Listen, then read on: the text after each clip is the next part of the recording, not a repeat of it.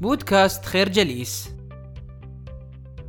عندما تقوم بمناقشة شخص ما والتفاوض معه عليك أن لا تنظر إليه على أنه خصم يجب التغلب عليه. كما أن المفاوضة ليست معركة ينتصر فيها شخص واحد حيث يعتقد بعض الأشخاص أن عليهم الالتزام بمبدأ المكسب لي والخسارة له حتى يصلوا إلى مبتغاهم ويحققوا أفضل النتائج. ولكن في الحقيقة هناك مبدأ أفضل يسمى المكسب للجميع والذي يحث الطرفين على التعاون للوصول إلى حل يرضي جميع الأطراف ويحقق الفوز للجميع. فمثلا تخيل أنك تعمل على تطوير قناة ثقافية على اليوتيوب ولك الآلاف من الجماهير والمتابعين وهناك قناة أخرى تقدم محتوى قريب مما تقدمه أنت ولها كذلك الآلاف من الجماهير والمتابعين. وعند رؤيتك لمحتوى القناة الأخرى أعجبت به وشاركته مع متابعينك. وبالمثل قام مطور القناة الأخرى بمشاهدة المحتوى الخاص بقناتك وأعجب بها وشاركها مع متابعيه. وبالتالي استفدت أنت وهو من هذه العملية بأن أعدادا كبيرة من المشاهدين بدأت تتوافد على قناتكما مما سيساعد بالتأكيد على تطويرهما للأفضل وتكونا قد طبقتما مبدأ المكسب للجميع. وفي المقابل يفضل بعض الناس تطبيق مبدأ المكسب لي والخسارة له في تعاملاتهم مع الآخرين. فلو رجعنا مثال قناة اليوتيوب قد يقوم المتبني لهذا المبدأ بوضع تعليقات وتقييمات سيئة لصاحب القناة الأخرى. أملا أن يتحول بعض المتابعين إلى قناته. ولكن في الواقع يكون لهذه الأفعال آثار طفيفة جدا وغالبا ما تكون نتائج هذا المبدأ هي الخسارة والفشل. العادة الرابعة فكر بالمنافع المتبادلة. تخيل أنك تعاني من مشكلة في النظر وقررت أن تذهب إلى طبيب العيون لكي يقوم بتشخيص حالتك وبعد أن قمت بشرح الأعراض التي تنتابك قام الطبيب بخلع نظارته وأعطاك إياها وقال لك أرتدي هذه النظارة فأنا أستخدمها منذ عشر سنوات وقد ساعدتني كثيرا يمكنك أن تأخذها الآن لأن لدي واحدة أخرى في المنزل وعندما وضعت النظارة على عينك ازدادت المشكلة. وقلت له هذه النظارة مريعة جدا. لا أستطيع أن أرى أي شيء من خلالها. فرد عليك الطبيب بالقول إنها نظارة جيدة. حاول بجد أكثر وستنجح. كن إيجابيا. فرددت عليه إني أحاول بجد. فكل شيء معتم وغير واضح. فوبخك قائلا يا لك من شخص جاحد. بعد كل ما فعلته لمساعدتك. بعد الاستماع لهذه القصة ما هي فرصة عودتك لهذا الطبيب؟ بالطبع لن تفكر بالذهاب إليه مرة أخرى فأنت لن تثق بأي شخص يقدم لك العلاج بدون أن يقوم بتشخيص الحالة والعجيب في هذا الموضوع أن العديد من الناس يقومون بهذا السلوك بشكل يومي خاصة في الأمور التي تتعلق بالتواصل مع الآخرين حيث يقوم معظمنا بالاندفاع لتقديم النصائح السديدة وننسى أهمية أخذ الوقت الكافي من أجل التشخيص وفهم المشكلة في المقام الأول فهما جيدا كما أن العديد من الناس ينصت للآخرين بنية الرد وليس بنية الفهم وبالتالي تتأزم المسألة ولا يتم الوصول إلى حل.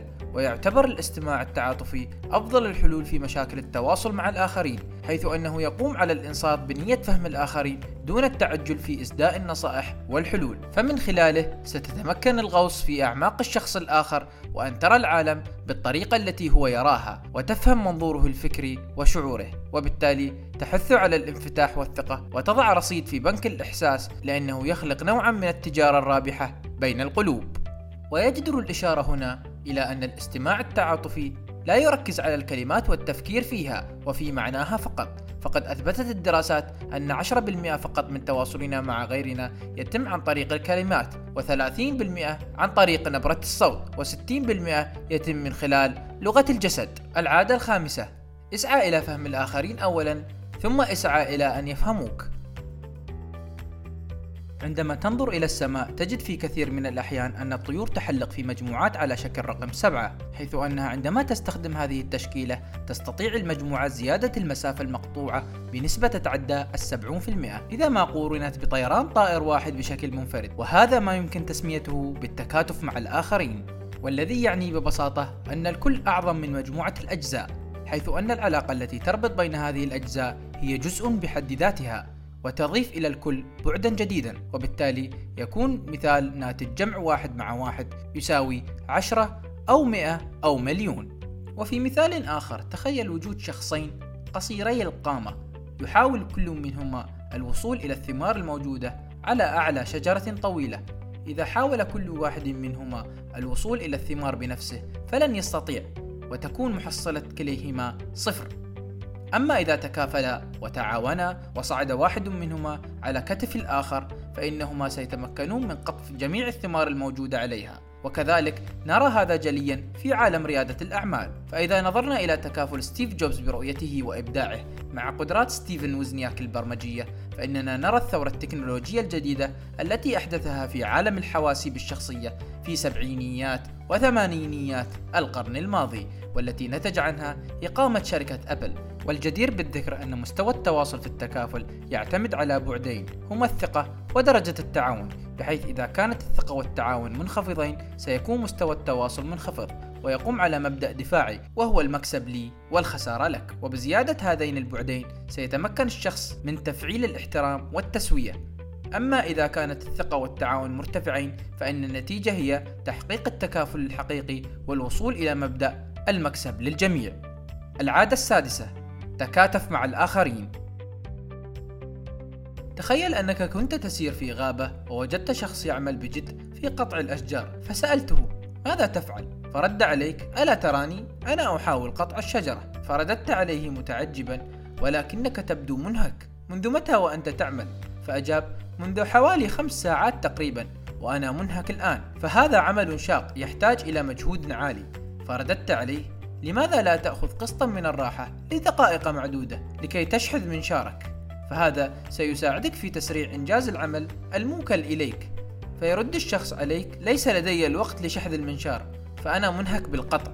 تبين هذه القصة العادة السابعة من العادات السبع للناس الأكثر فعالية وهي عادة شحذ المنشار وهي تعني أن على الإنسان أن يقف لوهلة حتى يعتني بنفسه. ويحافظ على أعظم الأصول التي يمتلكها فهذا هو السر لتحقيق الاستمرارية في كل العادات الستة التي سبق ذكرها. وعدم الاعتناء بهذه العادة يؤدي إلى الإنهاك والتعب وبالتالي تتساقط العادات واحدة تلو الأخرى. وحتى يتمكن الإنسان من شحذ المنشار عليه أن يجدد الأبعاد الأربعة لطبيعته وهي البعد البدني والروحي والعقلي والاجتماعي. ففي البعد البدني يكون التجديد عن طريق ممارسة الرياضة والتدريب والمحافظة على نظام غذائي صحي والتحكم في ضغوطات الحياة. أما البعد العقلي فيتم شحذه عن طريق القراءة والكتابة والتصور والتخطيط. وبالنسبة للبعد الروحي فيتم تجديده عن طريق الإيمان والتأمل اليومي والعبادة. أخيرا يتم شحذ البعد الاجتماعي عن طريق إعطاء الأسرة الأولوية وتقديم الخدمات للآخرين والصداقة والتكافل. العادة السابعة: اشحذ المنشار. نشكركم على حسن استماعكم. تابعونا على مواقع التواصل الاجتماعي لخير جليس. كما يسرنا الاستماع لآرائكم واقتراحاتكم ونسعد باشتراككم في البودكاست.